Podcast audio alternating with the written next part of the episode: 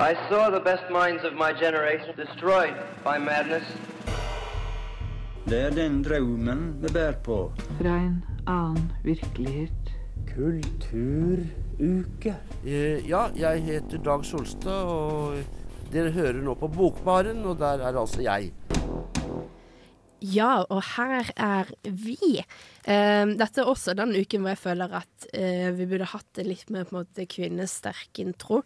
Eh, at vi kjører en toukers på eh, kvinnefronten her i Bokbaren. Jeg heter Marte. Jeg skal være programleder i dagens sending. Og hvem er dere? Jeg er den andre kvinnen i studio. Eh, Ingeborg. Og jeg er mannen som skal losse oss gjennom sendingen i dag, Yasin. altså som tekniker, da. Ikke Mm. sånn ellers. Eh, fordi i dag eh, så skal vi snakke om eh, boken 'Kvinne uten menn' av Shashnush Parsipur. Det var ikke så veldig lett å si det, det beklager jeg veldig for. Men eh, det gjør vi fordi at eh, på søndag så var vi så heldige at vi fikk lov til å være med eh, eh, Kulturutvalget og Filmklubben, og så prate om denne boken her, fordi de hadde visning av filmatiseringen fra 2009. Så det var veldig gøy. I Ja. anledning bam, bam, bam, 8. mars, den internasjonale kvinnedagen. Woohoo! Veldig gøy. Yay. Det var veldig hyggelig. Um, og derfor har vi lyst til å gjenfortelle for dere, for det var litt sånn be there or be square-situasjon. Eller som jeg liker å si, vær der eller vær rektangulær. Har du tenkt på at den er oversettbar? Den er fin. Du vet hva, det må man Ja, nei, vet du hva. Og det er faktisk veldig viktig. Bruk mer norske ord. Jepp, dette er Frode Grøtten. Eh, Lytt på Bokbaren på Radio Revolt. Ta deg en eh, god drink. Ja, og her i Bokbaren prater vi om kvinner uten menn av Sjarsnor Parsipor. Det blir bedre. Kanskje. Men eh, hvem er eh, Hvem er hun, Yasin? Ja, Shanosh Parsipor er en av Irans mest fremtredende forfattere. Og hun er jo også forfatteren av boken vi skal snakke om i dag, som er 'Kvinner uten menn'. Jeg vil at vi skal ha en liten gjettelek, folkens. Så okay. jeg skal spørre, stille dere noen spørsmål, så vil jeg bare at dere eh, gjetter. Og dere vet kanskje eh, svaret, eller jeg føler du vet svaret. Men Oi. hva har Parsipor studert? Og gjett som dere ikke vet det, liksom. Jeg vet det, og jeg gidder ikke si det. Hvorfor gidder du ikke å si det? Fordi du er så glad. Nei da, jeg vil at du skal være glad. Hva det er et stort stort smil ved siden av meg her. Hva studerer jeg, Ingeborg? Sosiologi. Ah. Ja, fordi det stemmer. Parsipor er utdannet sosiolog fra universitetet i Teheran. Men hun har også studert noe annet videre. Og denne gangen ikke i Iran, men et annet sted. Hva har hun studert? Litteraturvitenskap! Nei. Nei. Ah, det, det, jeg, jeg, jeg Men jeg liker entusiasmen, ja. ja, du, jeg elsket entusiasmen. Ja. Eh, Hun har faktisk studert eh, kinesisk språk og sivilisasjon på Sorbonne-universitetet. Fra 1976 til Det danka 19... litteraturvitenskap langt ned i støvlene. Altså, jeg tror kanskje litteratur var en del av graden, antageligvis. Hun har produsert ganske mange bøker, ganske mange verk. Hun tar ofte for seg si, kvinneskildringer i litteraturen. Og eh, verket hennes 'Kvinner uten menn', da, som er det vi i all hovedsak skal fokusere på i dag, har hatt eh, effekter på hennes virke som forfatter og hennes liv. Hun har faktisk blitt fengslet to ganger som direkte konsekvens av publiseringen av boken. Eh, iranske myndigheter har sensurert boken, og det er, eh, en, si, det er en av årsakene til at hun i dag bor i eksil i Nord-California. Eh, det er Parsipur i korte trekk. Hun, bidrar, hun har vunnet menneskerettighetspriser, og hun bidrar f.eks. annet i dag i programmet Radio Samane, eh, som er basert i Amsterdam, Uh. ifølge Wikipedia. Hva, er det bare generell radio, eller er det litteratur? Det virker som det er en slags radiokanal for, eh, jeg, for persiskspråklige, Ja. som på en måte eh, som vil unngå sensuren til iranske myndigheter. Så eh, hun bidrar der det trengs. Det, hun slår meg som en kvinne som ønsker å bidra. Mm. Absolutt. Jeg tenker sånn eh, hun, burde, hun er absolutt en kandidat, høres ut som, til å være en sånn, såkalt fribyforfatter, som vi har eh, flere av her i Trondheim. Eh, Vi var jo alle sammen på 8. mars, og da hørte vi en veldig inspirerende tale av Asiye. som er en iransk fribyforfatter her i Trondheim. Og det, så vidt jeg har skjønt fribyordningen, så går det ut på at du får opphold eller asyl i eh, et trygt land, da, eh, på bakgrunn av at du er eh, i fare eller eh, trua i hjemlandet ditt pga. dine skriftlige ytringer. Og Ja. Parsipor ja, som sagt, har jo vært fengsla to ganger i forbindelse med denne boka, og to ganger til i forbindelse med bare å være en, en kvinne i Iran omtrent. ja. Å være på feil sted til feil tid. Eh, så ja, absolutt en dame som har gjennomlevd mye, og veldig kult at hun fortsetter liksom kampen sin, syns jeg, da, og Mm. kampen for liksom kvinner over hele verden, men kanskje da spesielt iranske kvinner fra et litt mer tryggere omstendigheter i USA. Ja, fordi jeg syns det er veldig bra at du tok opp eh, Kanskje litt av grunnen til at du også valgte å snakke om boken. Det er jo demonstrasjoner i Iran. Det er horrible ting som foregår. Og det er kvinner det oftest går utover. Det var til og med et angrep på iranske barn. Eh, jeg å si skolebarn, altså hovedsakelig kvinnelige skolebarn. Der de ble angrepet i et gassangrep Mm. eh, nå nylig. Så eh, det skaper iallfall bakgrunnen for hvorfor vi valgte å ta for oss kvinner uten menn. Mm. Eh, selv om den også var på film på Samfunnet. Og det er en bok som på, måte, på mange måter fortsetter å bli veldig aktuell. Og jeg føler det er på en måte veldig mye av Persipur um, eh, sitt på en måte Virke, eh, nesten. Ja, er på en måte den der eh, Skrive om den virkeligheten hun kjenner, og hvordan eh, jobbe med å på en måte fikse det. Altså det er veldig på en måte sosiologisk til verks hun går. Um, og det syns jeg er veldig, veldig stilig. Og jeg, jeg, jeg vet ikke, jeg føler jeg på en måte gjenkjenner veldig mye i, eh, i litteraturen hennes. Eller ikke litteraturen, jeg har ikke lest så mye av henne, men i hvert fall denne boken her. Jeg heter Anne B. Ragde og er forfatter. Og når man er forfatter, så hører man selvsagt på Bokbarn så ofte man har anledning. Før vi går videre til å presentere boken, så har vi fått inn et nytt kjent tryne. Ja, dere har fått uh, meg, Herman uh, Mørkeberg Poppe, litteraturkritiker og fremtidig lektor i uh, norsk ved en av eh, Norges mange skoler. Det hørtes ut som du presenterte hovedpersonen i Dag Solstads nye roman. Og det er meg. Han har dessverre ikke noen ny roman, det var bare lureri.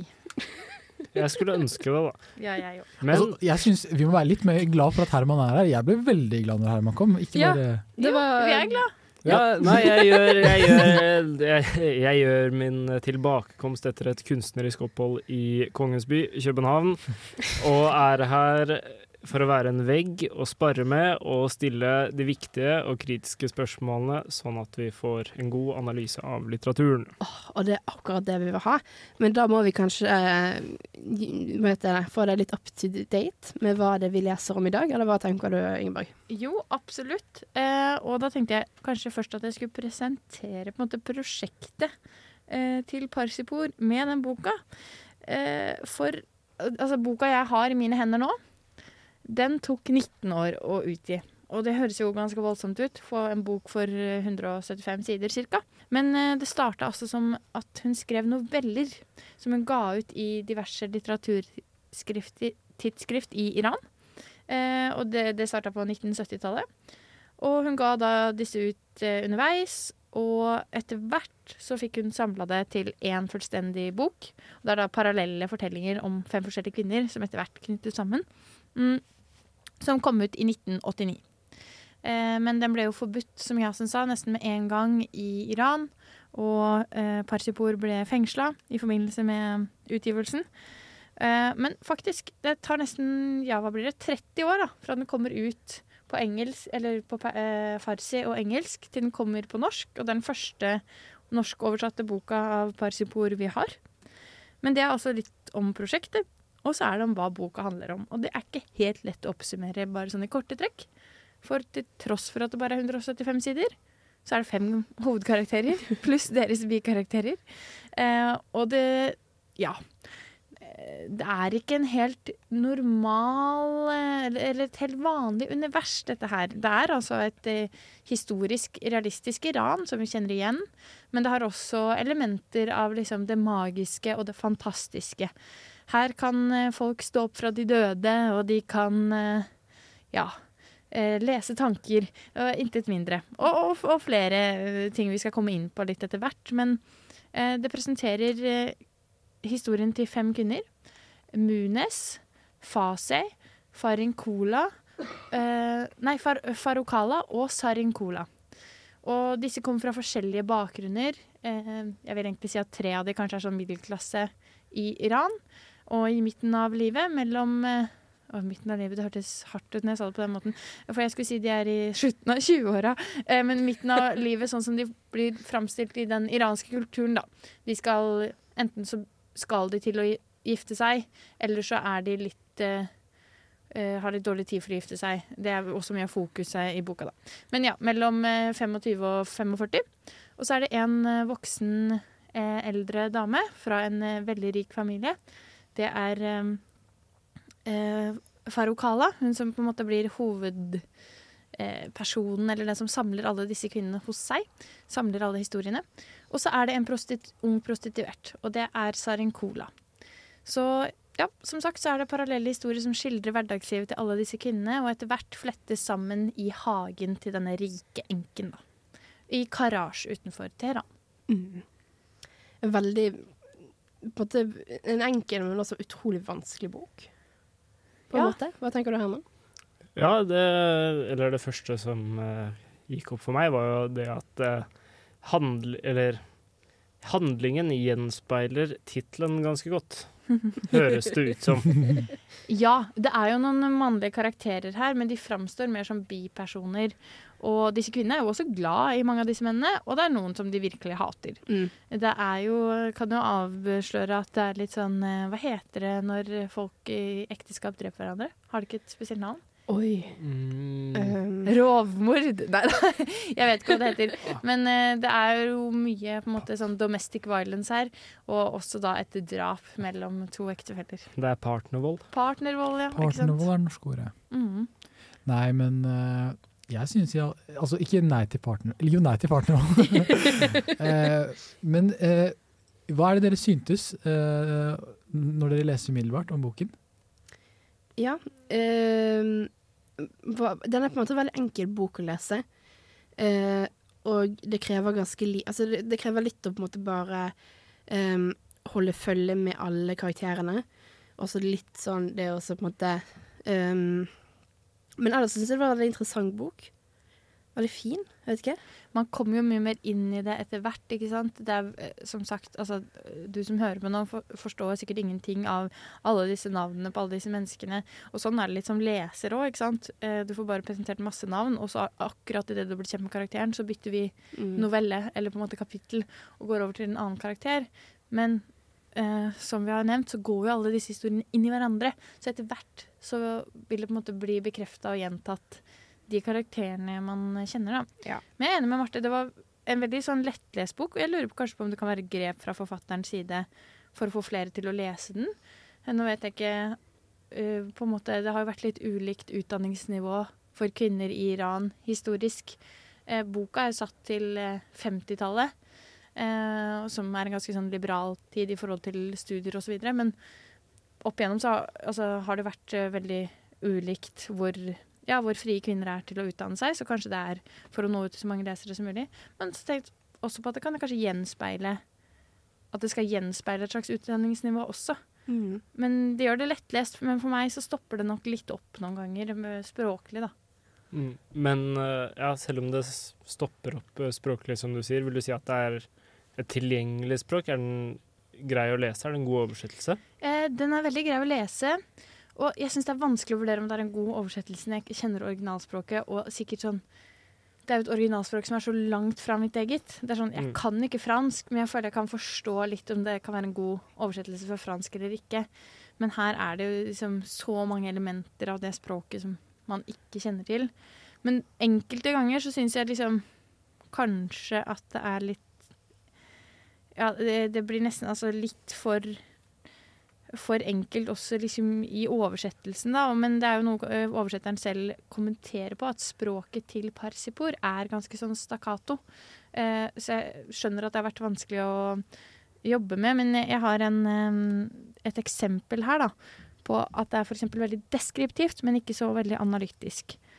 Her er det en av karakterene. Det er vel eh, Makdot, ja, som sitter under um, piletreet i hagen og liksom funderer over det livet hun lever i nå, da.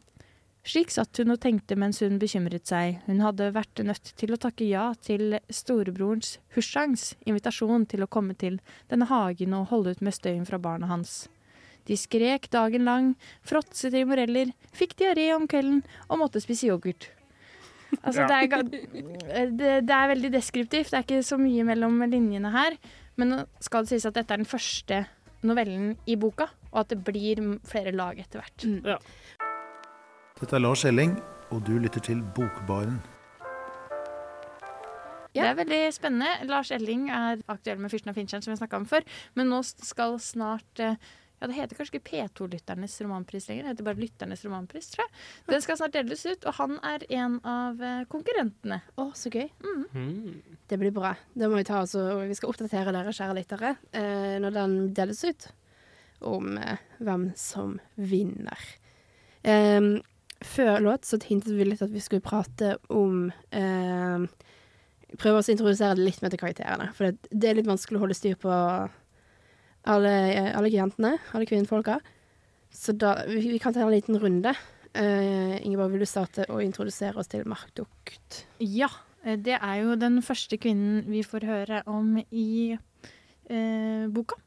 Og hun er en kvinne i 30-årene som bor hos alt det eksempelet jeg leste i stad, var fra hennes historie. Hun bor da sammen med sin bror og hans familie. Og grunnen til det er at hun valgte selv da eh, å tre ut av eh, yrkeslivet som lærer.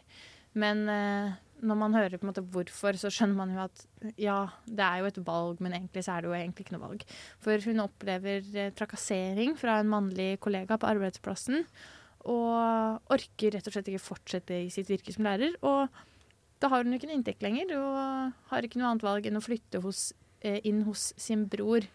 Og brødre er jo ganske sentrale i denne romanen. Ehm, også en av de andre karakterene, som eh, kanskje Yasin kan introdusere, Munes, bor eh, med sin bror, som er, ja, hva skal man si, mildt sagt kontrollerende.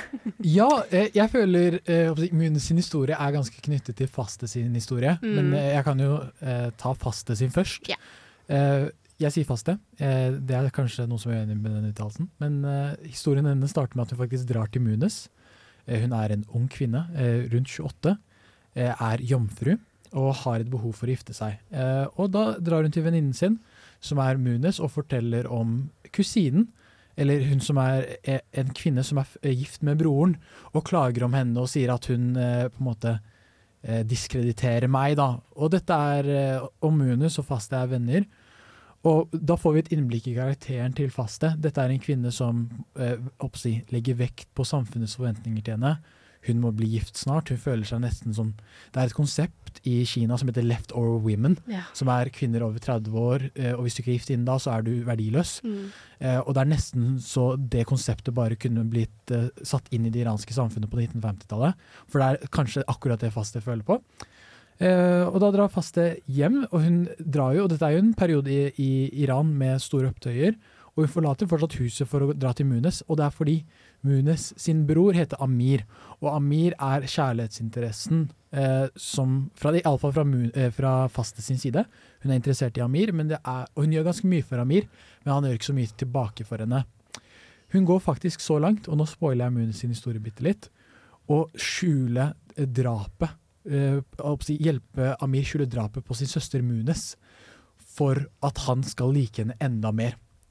Og da tror jeg det er et lite innblikk i immun, eh, Faste sin karakter. Ja, og, og, og også immune, som du sier. Og, men det er jo ikke bare det er jo ikke bare leseren som plukker opp på denne kjærlighetsinteressen mellom eh, Faste og Amir, og også at måte, de har et veldig tett bånd. For når Amir senere skal gifte seg, så sier moren sånn Ja, du skal vel skal vi dra til Faste da og spørre om hun vil gifte seg med deg? Og han bare nei, nei, jeg skal ikke gifte meg med hun, jeg skal gifte meg med en dame som er ti år yngre og ser veldig uskyldig og hyggelig ut. Og ser veldig sånn eh, jeg From ut. Å ha på seg shador, som er det iranske antrekket som er to protect your modesty, liksom. Mm. På den tida. Stort sånn skjall på en måte som du har Ja. over hodet. Det er veldig pent. Men Så- det, ja, det bringer oss videre til Munes, for det første gang vi møter Munes er jo gjennom Fase sine øyne. Og Fase, eh, selv om de er gode venner, så har ikke hun tenker ikke så veldig høyt om venninnen sin. Eh, og Munes er vel en av disse på en måte, iranske leftover-kvinnene. For hvis jeg ikke husker feil, så er hun 38 år. Stemmer. Eh, ja. Ugift. Og, eh, og det, det begynner jo å dra litt på årene, da. Og litt sånn naiv, eller sånn naiv Veldig overfor naiv. liv, livet. Håpefull og naiv, men det er nesten sånn trist. jeg føler hun er veldig godtroende. Framfor det at uh, hun har så mye tillit til folkene rundt seg, og den tilliten var kanskje malplassert framfor noe som helst. Ja, det, jeg, jeg føler det er mye kjærlighet i Munes, egentlig. Uh, For, for på en måte for eksempel Fase. Um, men Fase informerer i hvert fall på et tidspunkt Munes om at uh, jomfruhinnen er en myte. Den eksisterer egentlig ikke. Det er tull. Og så på en måte kan den utvides og så videre. Men det har ikke, på en måte, trenger ikke gå inn på det. Um, men um, det, det, det fremtrigger da en krise i Munes, for Munes har levd hele livet sitt i frykt for å, at denne jomfruhinnen skal revne med et uhell. Så hun har droppet å klatre i trær, droppet å være aktiv. Levd et veldig mye mer forsiktig liv enn hva hun tenkte. Um, og sammen med dette her så bestemmer hun seg for å kaste seg ut fra taket på huset. Og på en eller annen fantastisk måte så våkner hun opp litt støl. Og Ja, fordi, så- eh, altså, Beklager er at jeg ikke- ler, og det er jo kjempealvorlig. Ja, ja. Eh, Men det er jo faktisk akkurat det som blir sagt Ja, i boka. men det- ja, men det det, er her kommer jo virkelig denne, det fantastiske vi har vært inne på, de Mm. magiske elementene inn, da. Ja, bare et kjapt innspill. for det dette er ikke et, å si, et hus som er eh, tre meter høyt, liksom. Dette er eh, tilsynelatende eh, et høyt nok sted til at hun faller, og at hun dør når hun Ja. faller. Og det er, det er ikke bare sånn at hun skader seg litt, men Nei, nei, hun nei. dør etter det fallet. Ja. Og så kommer hun til live igjen. Ja, eh, for hun våkner opp nærmest på en måte uskadet, bare litt sånn fortumlet og litt sånn, kanskje litt vondt i kroppen. Eh, men alt som tilsier at hun egentlig skulle altså, ha vært død, er jo ikke til stede. Ja, så liksom klassisk magisk realisme, da. Ja. Blir det på en måte Ganske spot on. Skjønner. Godt observert. Det skal vi prate mer om senere. Eh, men Munes driver i hvert fall og vandrer rundt i gaten i måneds tid. Um, og det er ikke bare på en måte kritisk i seg selv, men uh, Iran uh, i 1953 går gjennom litt trøblete perioder. Vil du informere litt om det? Ja, det kan jeg godt gjøre. Fordi uh, boken er ganske tidløs av seg, og det kan vi kanskje snakke om senere, men jeg kan iallfall si at konteksten, som forfatteren selv nevner i boken, er 1953. Det er en periode i Iran der presidenten Mossadegh, som ville nasjonalisere Irans oljeressurser på det tidspunktet, ble styrtet av eh, britisk og amerikansk etterretning. Og, det, eh, og eh, Styrtingen var for å føre eh, kontrollen av oljeressursene i Iran tilbake i Vestens hender. Og ha sjahen i Iran tilbake i kontroll. Eh, og effekten av kuppet, for det er jo et, det et state-sponsored ku, liksom, mot Mossadegh, var store opptøyer i Iran, og det var en periode der eh, kvinners rettigheter var i fluks. Fordi eh, Shahen i 1963 eh, kom med kompromisser, altså ti år etterpå, Mm. eh, der kvinner annet skulle få retten til å stemme. Men så kom prestestyresekten, eller den delen av samfunnet i Iran, og protesterte mot det, så måtte han trekke det tilbake. Og dette var etter at Mossadegh begynte å åpne for kvinners rettigheter eh, rundt hans periode. Så det var en periode der eh, kvinnens posisjon i samfunnet var veldig usikker. Mm. Og dette er kvinnens historie, og jeg tror det på en måte i alle fall utgjør bakteppet for eh, hvorfor vi på en måte ikke ser noe politi, eksempel, eh, i noe som helst eh, eller i historien. Ja, så som jeg har forstått det rett, så skildrer også denne romanen på en måte konsekvensene av vestlig intervensjon i, eh, øst, i østlige land, på en måte.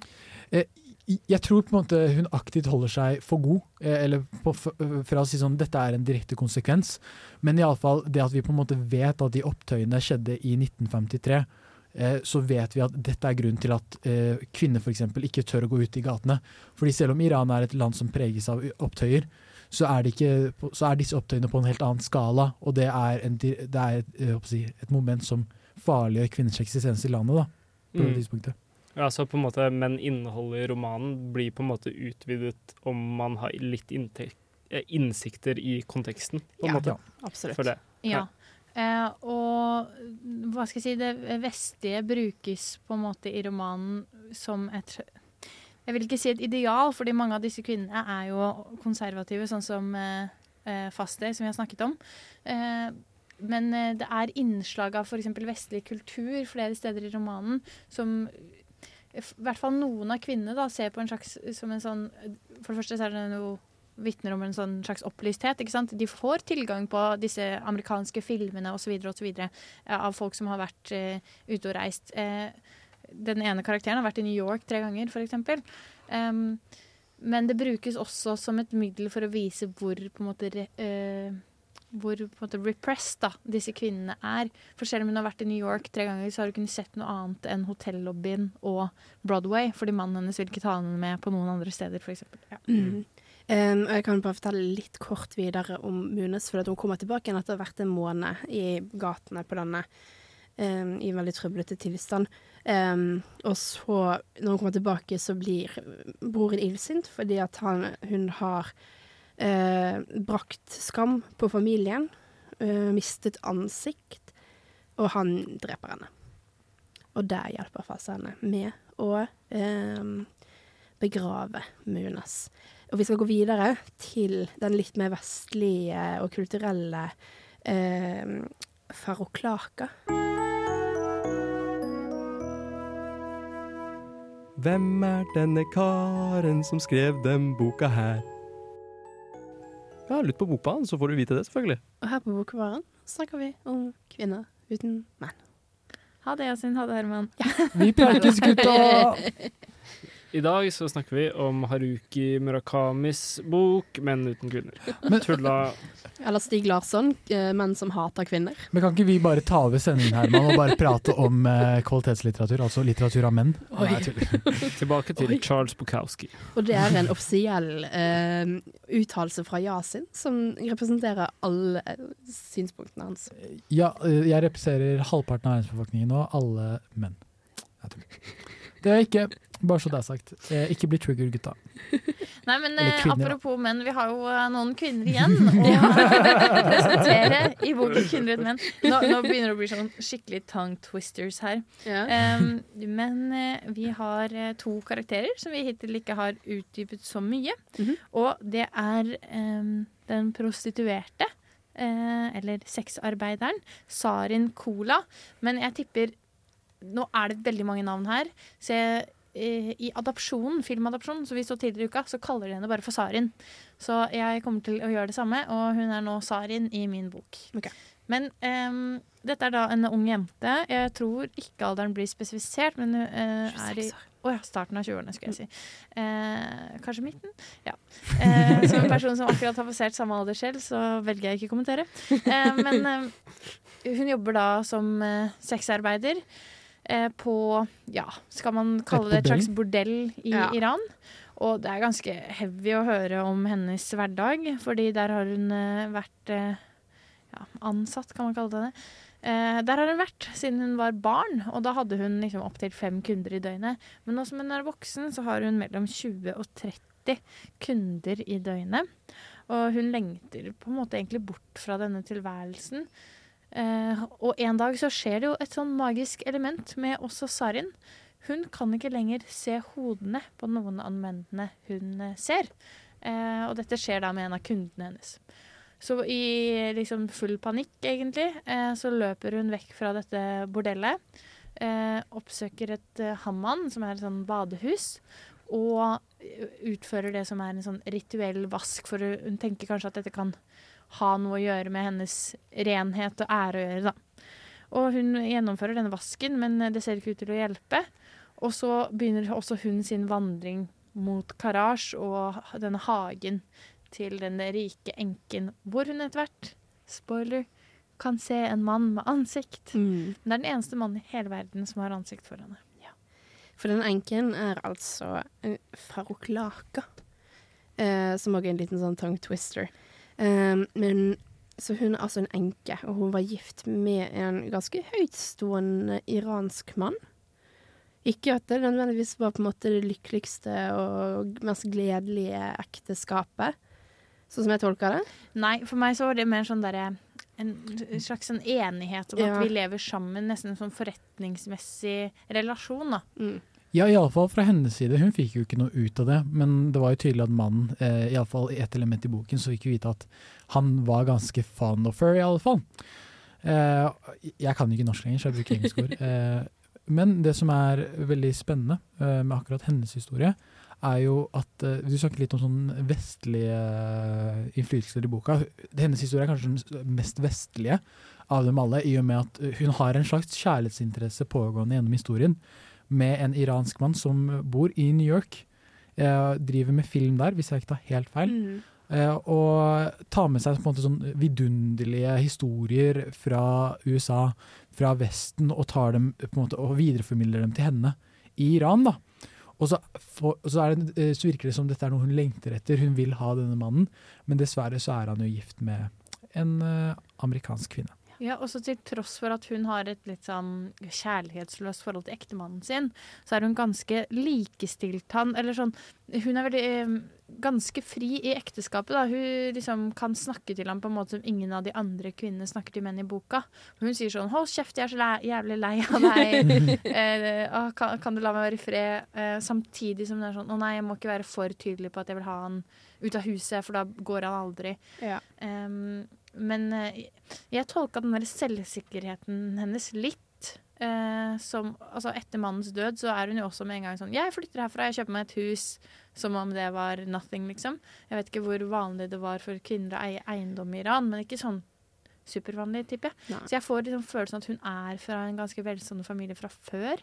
Og at hun har hatt litt sånn muligheten til å snakke irettesettende til folk før, da. Jeg vet ikke. Vel enig, og jeg tror det er et veldig viktig moment å poengtere at uh, mannen hennes uh, dør på hennes hånd. Ja. Uh, og ikke for å si spoilers, men at for å bygge på den sånn Hun er veldig selvsikker, og at hun på en måte ser det på nesten som litt sånn befriende at mannen forsvinner, for da kan hun endelig dra til den hagen i Karaj. Ja. For en stor drøm om å på en måte ha en sånn fin sånn hage. Uten menn. Uten En liten Edens hage bare uten Adam. Det er jo drømmen. Ja, og den drømmen er utopisk en stund, men så går hun litt lei av de damene som er der, for de maser så mye. Eh, så, men, altså, sånn, men det sier veldig mye om hennes karakter. da.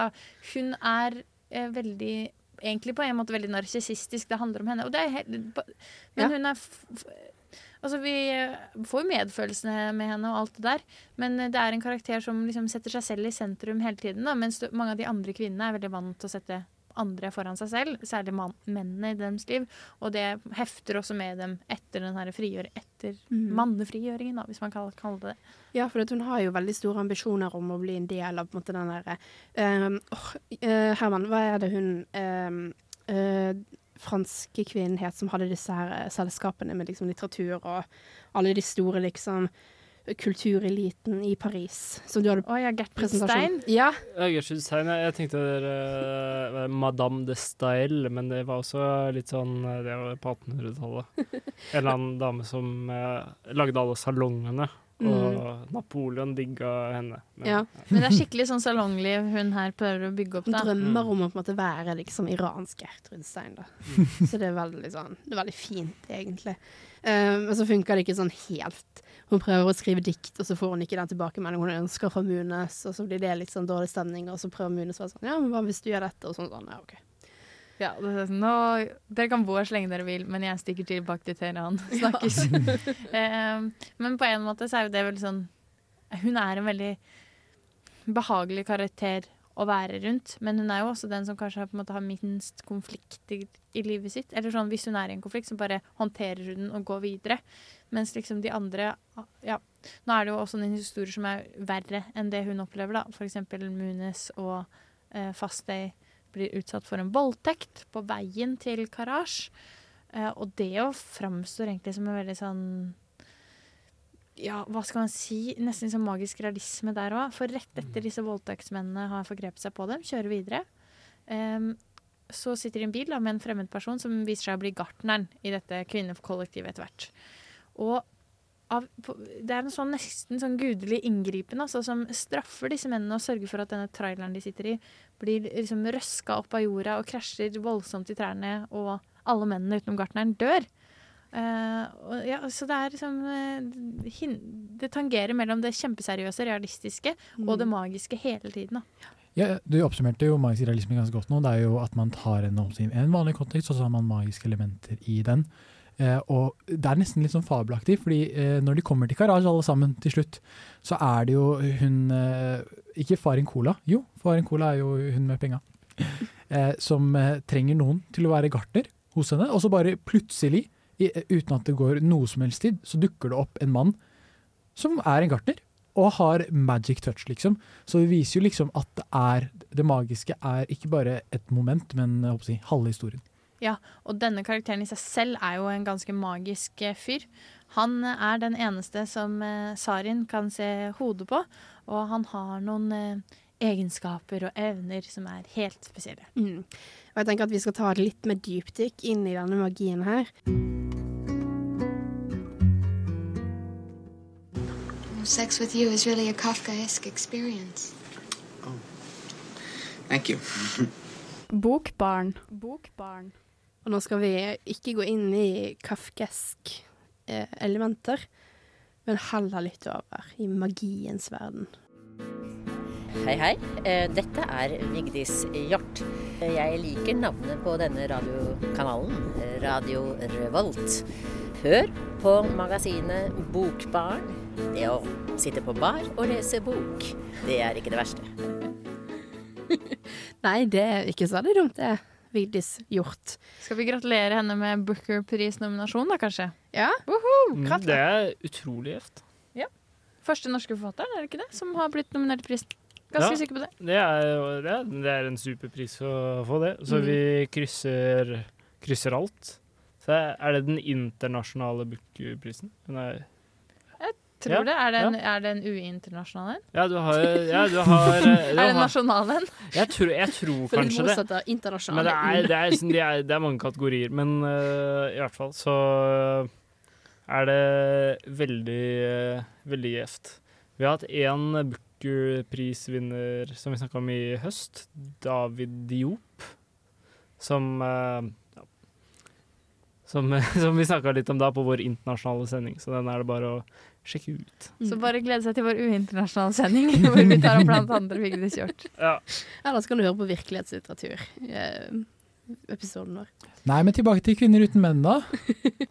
Ja, eh, for det er jo veldig mange interessante elementer i, i denne boken her, em, som Persepo bruker veldig aktivt, uh, deriblant eh, farger, ansiktsform, på en måte em, ja. Elementene, jord, vind, vann. Mm. eh, alt har liksom en mening. Ja. Og det skjønner man veldig sånn etter hvert i boka. Det blir etablert ganske tidlig, og så er det gjentagelse er et stort virkemiddel da, som hun bruker. Mm. Og det er jo, ja eh, Et av de som hun på en måte introduserer med, er jo eksempel dette med ansiktsform, som er veldig interessant. da. At eksempel Mune, som vi møter, har veldig rundt ansikt, så det betyr at hun er dum. Ja, og uh, dette her føles ut som en påstand fra Parsipor, men det er altså noe uh, Fasei har lest i et magasin. Og jeg føler også at det er en litt sånn kritikk av, av måte, litteraturen disse kvinnene har tilgang på, da. Uh, eller en sånn slags kritikk av kilder. Men ja, Fasi har lest at ja, hvis du har rundt ansikt, da er du dum. Og dette styrer faktisk hele hennes livsoppfatning. Eh, og når Munis da blir en tankeleser, så sier hun til Fase sånn Jeg vet at du tenker at jeg er dum, for jeg har rundt ansikt, men det er du som er dum, som tenker sånn. og det syns jeg har fått avlangt ansikt nå, så What up? Ja. Men får også sånn, òg avlange pupiller. Og det syns jeg er veldig interessant måte, grep. På en måte ikke bare blir jeg smartere fordi at ansiktet mitt er lengre, men øynene mine. Hm. Det er hvordan jeg oppfatter verden, er mer intelligent. Det syns jeg var litt kult. For sånn uh, utvidet uh, forståelseshorisont. Ja, absolutt. Og det stedet jeg føler liksom eh, samler veldig mye av disse elementene som er gjennomgående i boka, eh, eksempel farger. Fargene grønt, er, som, som representerer vekst, ikke sant. Eh, vi har en kvinne som blir til et tre her.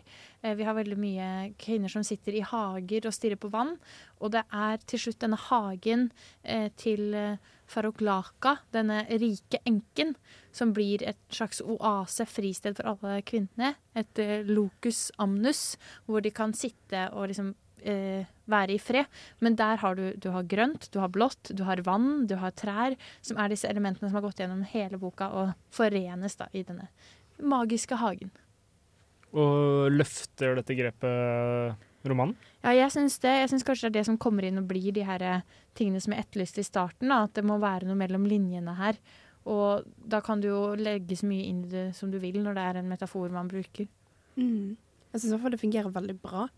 Eh, For dette er på en måte med på å virkelig liksom hamre inn denne her eh, hagen som et fristed.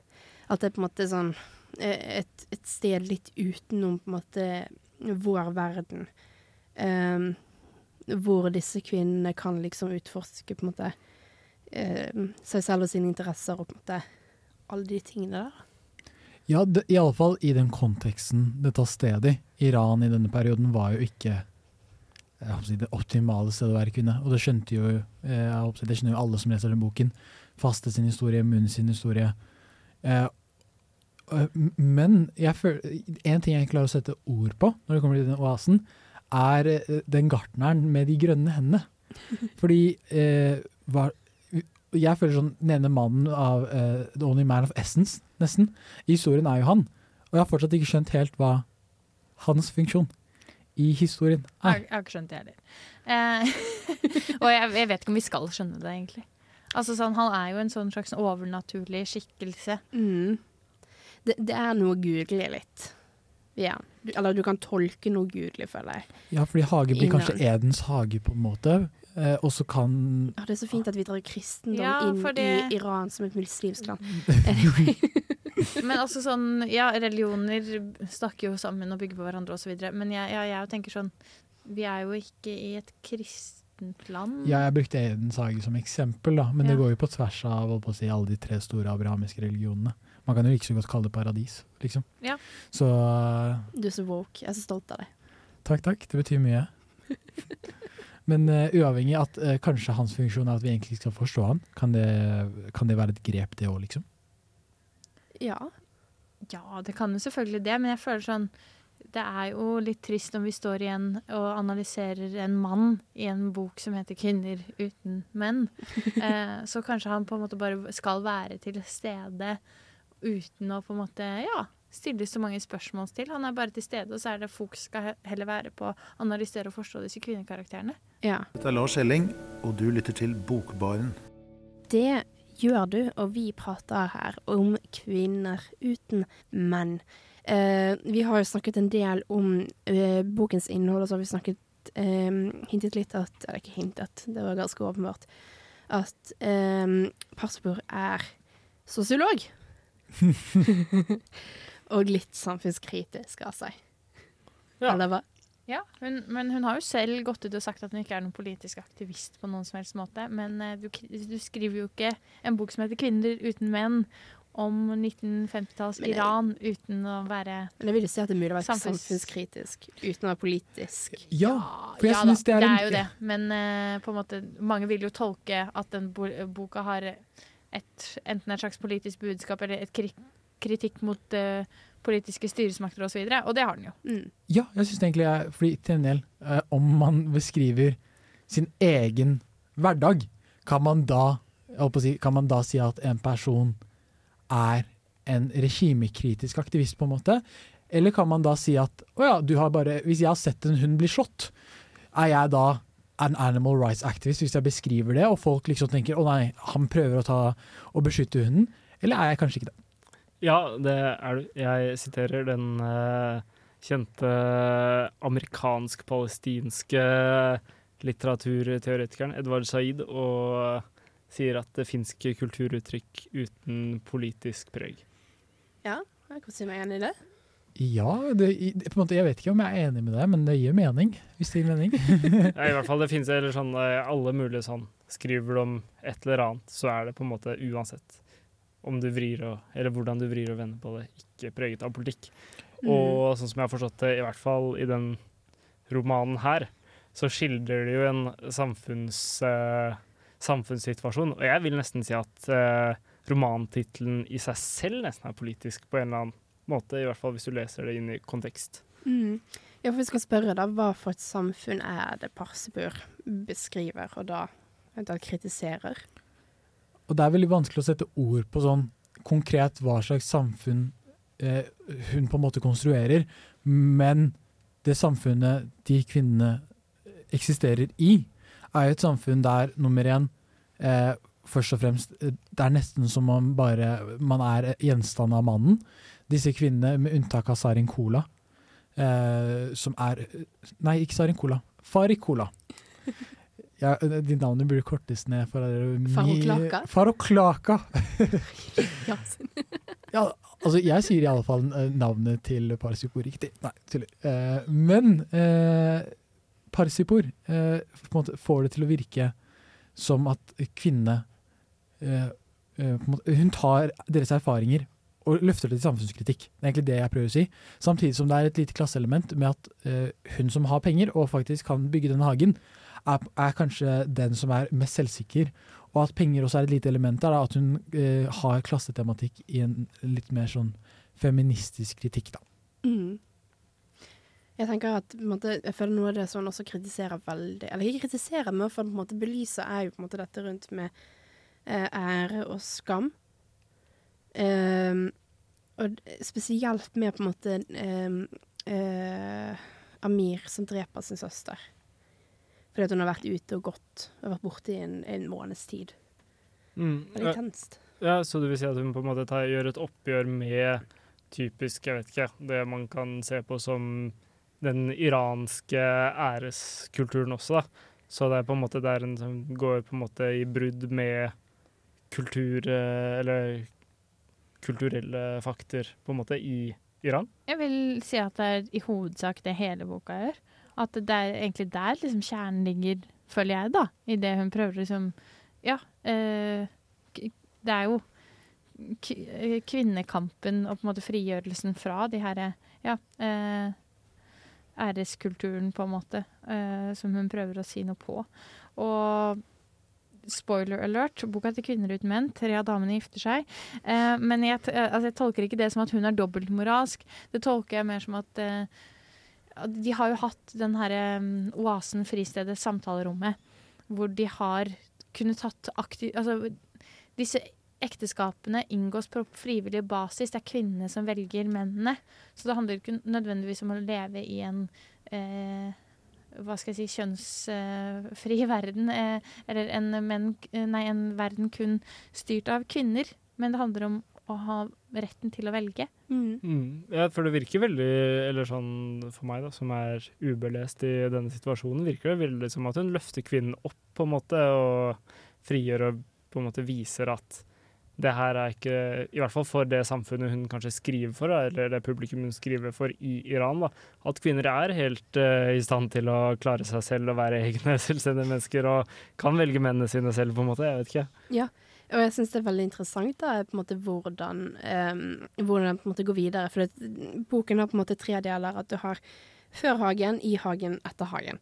Og etter hagen så er det sånn som du sier at tre av de går videre og gifter seg med menn. Og det er på frivillig basis, og det er for um, en en gjensidig um, benefit Norsk ord er vanskelig. Fordel. Fordel. um, mens for eksempel uh, Munes blir til skolelærer.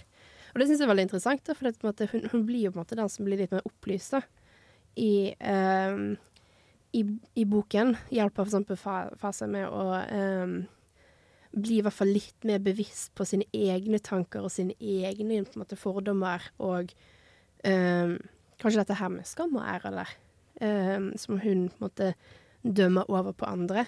Ja, Så hun skal på en måte være en sånn oppdrager for de kommende generasjoner, både av menn og kvinner. Sånn at man ikke hva skal jeg si, begår disse samme feilene på nytt og på nytt. Og nå kan man jo kanskje snakke om at det er en utopisk tanke i et så mannsdominert samfunn som Iran er på denne tiden, og i hvert fall blir. Men det er jo på en måte altså, Hvis man ikke forteller disse historiene, og ingen står opp mot urett, hvordan skal man da få forandring? på Ja. Stå på barrikadene. Og det er jo derfor denne boken her er så hyperrelevant, spesielt i um, den virkeligheten som vi nå ser i Iran, med jenter på skolene som blir utsatt for eh, kjemiske angrep, kvinner som blir undertrykt og drept under et veldig rigid eh, moralsk politi, da, altså moralpoliti. Og det er jo på en måte en bok som Ja, når var den beskrevet? På 1989? Ja, skrevet eh, på 70-tallet eh, og 80-tallet, gitt ut på slutten av 80-tallet, Ja. og er omtrent, altså om ikke mer relevant nå enn det var når den kom ut i 1989. Mm. Så det er kanskje ikke kvinner uten menn, men kvinner som velger menn, eller kvinner som uh, Kvinner på tross av menn. Ja. ja, men det er nesten litt sånn at uh, det er jo på en måte De er jo eh, på en måte løvetannmennesker, alle disse kvinnene, som til tross for alt det de har vært utsatt for, eh, reiser seg og kommer seg gjennom det. Så jeg vil nesten si kvinner til tross for menn. Mm. Uh, for de klarer liksom å seire over skjebnene sine til tross for undertrykkelsen de har blitt utsatt for. Da. mm, Kvinner uten å være nødt til å ha menn. Takk Mange for alternative titler her. Ja, men i hvert fall, uh, i hvert fall er de uh, mennesker som alle andre som mot alle forutsetninger greier å komme seg ut av en sånn kvelende tilværelse i et land som er ja, vi er kjent for å være kvinneundertrykkende på mange måter. Mm. Kunne ikke sagt det bedre selv. Hei, hei. Eh, Dette er Vigdis Hjort. Jeg liker navnet på denne radiokanalen, Radio Revolt. Hør på magasinet Bokbarn. Det å sitte på bar og lese bok, det er ikke det verste. Og her i Bokbaren snakker vi om kvinner som revolter mot patriarkatet og ære- og skamsamfunnet i Iran. Ja. Um, og grunnen til at vi prater om denne boken, her er jo, for, som vi nevnte tidligere, at um, vi ble invitert til å prate uh, med Samfunnsfilmklubb, hvor de viste filmatiseringen av denne. Uh, så jeg tenkte vi kunne snakke litt om adaptasjonen, eller ad bare adaptasjon generelt. Hvordan kan denne boken her se ut på et lerret? Og da er det litt interessant å høre hva dere som ikke så filmen, tenker. Ja, jeg jo eh, Jeg, jeg var jo på den samtalen, deltok og prata på klubben på Samfunnet, men valgte å prioritere søvn, så jeg fikk ikke sett filmen. Eh, og jeg kom jo med noen eh, antagelser om hvordan filmen kom til å eh, bli, da, i, i forskjell fra boken. Og da gjetta jeg at den magiske realismen kommer til å være totalt fraværende. Jeg gleder meg til å høre hva fasiten blir. eh, og at eh, det kommer til å være ganske mye mer politisk. Det som er implisitt i 'Kvinner uten menn' eh, i bokformat, kommer til å være eksplisitt på lerretet. Så det er mine to store antakelser. Mm. Du Herman, som bare har hørt oss prate om boken, hva tenker du? Hmm, eh, nei, eller sånn eh, Det første jeg tenker, er jo som jeg alltid tenker når en, eh, når en film er eh, basert på en bok, eller at en bok er blitt adaptert til eh, en film, er det at det sjelden er bedre enn det som står skrevet. I visse tilfeller kan det sikkert være omvendt, men jeg har en formening om at eh, det ofte er best å lese boka, og at filmen gjerne blir en skuffelse. Jeg så I helgen så, så jeg en eh, annen film som er basert på en bok. Så så High Fidelity, eh, som, er, eh, som er skrevet av den britiske forfatteren eh, Nick Hornby. Det er liksom sånn der, eh, nasjonal poplitteratur i eh, Storbritannia. Og av en eller annen grunn så har de valgt å sette boka i USA i, i filmen. Og Jack Black spiller en sentral rolle, så det er liksom sånn her OK. Det blir litt annerledes, da, i hvert fall. Når man- Kommersialisert. Kommersialisert. Ja, og nå vet jeg ikke med den filmen her, men uh, kanskje den har blitt det. Jeg vet ikke, Hva syns dere som har sett den? Jeg vet ikke om jeg vil si at den har blitt kommersialisert, um, men um, den er definitivt gråere enn uh, den fargerike litterære verden. For som sagt så, sy syns jeg farger og sånn har veldig mye å si i boka. Og de spiller eh, absolutt litt på det her, altså. Eh, For eh, livet i Teheran, det er, det er veldig sånn grå koloritt. Mens når de vandrer lenger og lenger ut av byen, så blir det grønnere og grønnere rundt dem. Men det er noen elementer av magisk realisme der, Yasin, som kanskje vil overraske deg. Oh. Kan du gjette hva de har beholdt? Eh, Jeg gjetter at de har beholdt Oi, dette var vanskelig. Hva med å komme tilbake til liv? Eh, Ja, det har- ja, det gjør de. Eh, En gang. Ja, en gang, ikke to ganger, som i boka. Og de har beholdt at mennene ikke har ansikt. Men blir hun støl? Nei, vet du hva, Jeg hun taklet det overraskende bra. Det var liksom sånn opp, og så var det rett sånn Nå må jeg gå og høre på radioen. Ja, ja men det var ja, fordi at jeg også Som tenkte fair. Det burde du òg gjøre. Ja, ja. Hvis du plutselig våkner opp etterpå. Hør på bokbarn. På ditt lokale FM-bånd. Hvis du har hjernerystelse, så kan vi anbefale Bokbarn. Eh, ikke noe skjerm, bare lytt til våre vakre stemmer skal vi lose deg gjennom det meste. Mm. Neida, men eh, betraktelig mindre magisk realisme enn i boka, altså. Mm. Men noe av det som var mest slående, var jo faktisk at de har kuttet en karakter helt ut. Og noe av det jeg tenker er, er grunnen til det, er jo at hun er den mest magiske karakteren, Mm. hvis man kan si sånn. Det er eh, Maktot som blir til et tre. Og jeg regner med at de bare har kuttet henne, kuttet henne ut fordi det var vanskelig å gjennomføre, rett og slett. Ja. Kan jeg spørre om uh, de uh, Var det mer politisk? Var det, jeg si, Gjerne si litt om det. Ja, for det var jo noe du spådde uh, på søndag. Og det var kanskje det som skuffet meg mest i adaptasjonen, er at fokuset gikk veldig fra på en måte samfunnskritikk, kvinnefrigjøring, eh, kritikk av ære, skam, over til å bare være eh, en, en nesten på en måte politisk plott rundt dette her kuppet som skjer. Og så er det noen kvinner på si som har det litt fint sammen i hagen til Farouk-Laka. Og det syns jeg var trasig. Mm. Um, men jeg syns at noe som jeg likte veldig godt i filmen, som de fikk veldig godt fram, som jeg følte manglet litt i boken, var på en måte litt solidaritet mellom kvinnene. Det syns jeg de var gode på å få fram i filmen, i hvert fall. Mm. Mm. Ja, eh, jeg er enig med veldig mye av det Marte sier. Og ja, jeg skulle kanskje ønske de hadde valgt å være enda mer friere. De har jo lagt filmen til 1950-tallet, eh, som er det samme som skjer i boka. Men det har vært veldig Altså, det er jo en film fra 2010, så det har vært eh, stilig om de hadde valgt å putte disse fem kvinnekarakterene inn i et moderne Iran. Da. Mm. Det kunne absolutt fungert veldig bra. Er filmen bra? Helt OK. Helt OK. Helt OK. Ternekast Jeg syns det er fair. tre. Hei, nå leker vi filmofil. Ja. Terningkast tre. Vi holder oss til bøker framover. Ja, vi gjør nok det. Jeg heter Zishan Shakar. Du hører på Bokbarn på Radio Revolt. Og da er vi ved veis ende. Kjære lytter. Vi er i Karaj. Vi er Karasj. Vi er fremme. Og nå skal vi eh, kose oss i vår metaforiske hage, fordi at la oss være ærlige, Trondheim-været er ikke helt sånn som man kanskje kan forvente i Iran. Men vi har i hvert fall kost oss veldig. Eh, har vi noen lesetips før eh, vi runder av? Ja, jeg har vel et ganske så urelatert uh, lesetips, eh, jeg, som vanlig. Jeg har, eh, har brukt forrige uke på å lese en eh, bok av den italienske forfatteren Natalia Ginsburg. Og jeg har lest eh, romanen 'Familieleksikon', selvbiografisk, veldig bra. Vunnet Strega-prisen, den gjeveste prisen i Italia, for litteratur. Ja, og jeg vil bare anbefale å sjekke ut uh, lyrikken til Asiye Amini. Det er hun vi nevnte tidligere i sendinga. Bor i Trondheim, i skal til å flytte inn i forfatterboligen Adrianstua.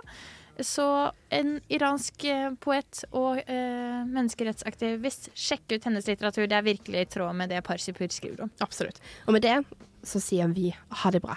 Ha det bra. På gjenhør. Du har lyttet til en podkast fra Radio Revolt, studentradioen i Trondheim. Likte du dette, kan vi også anbefale.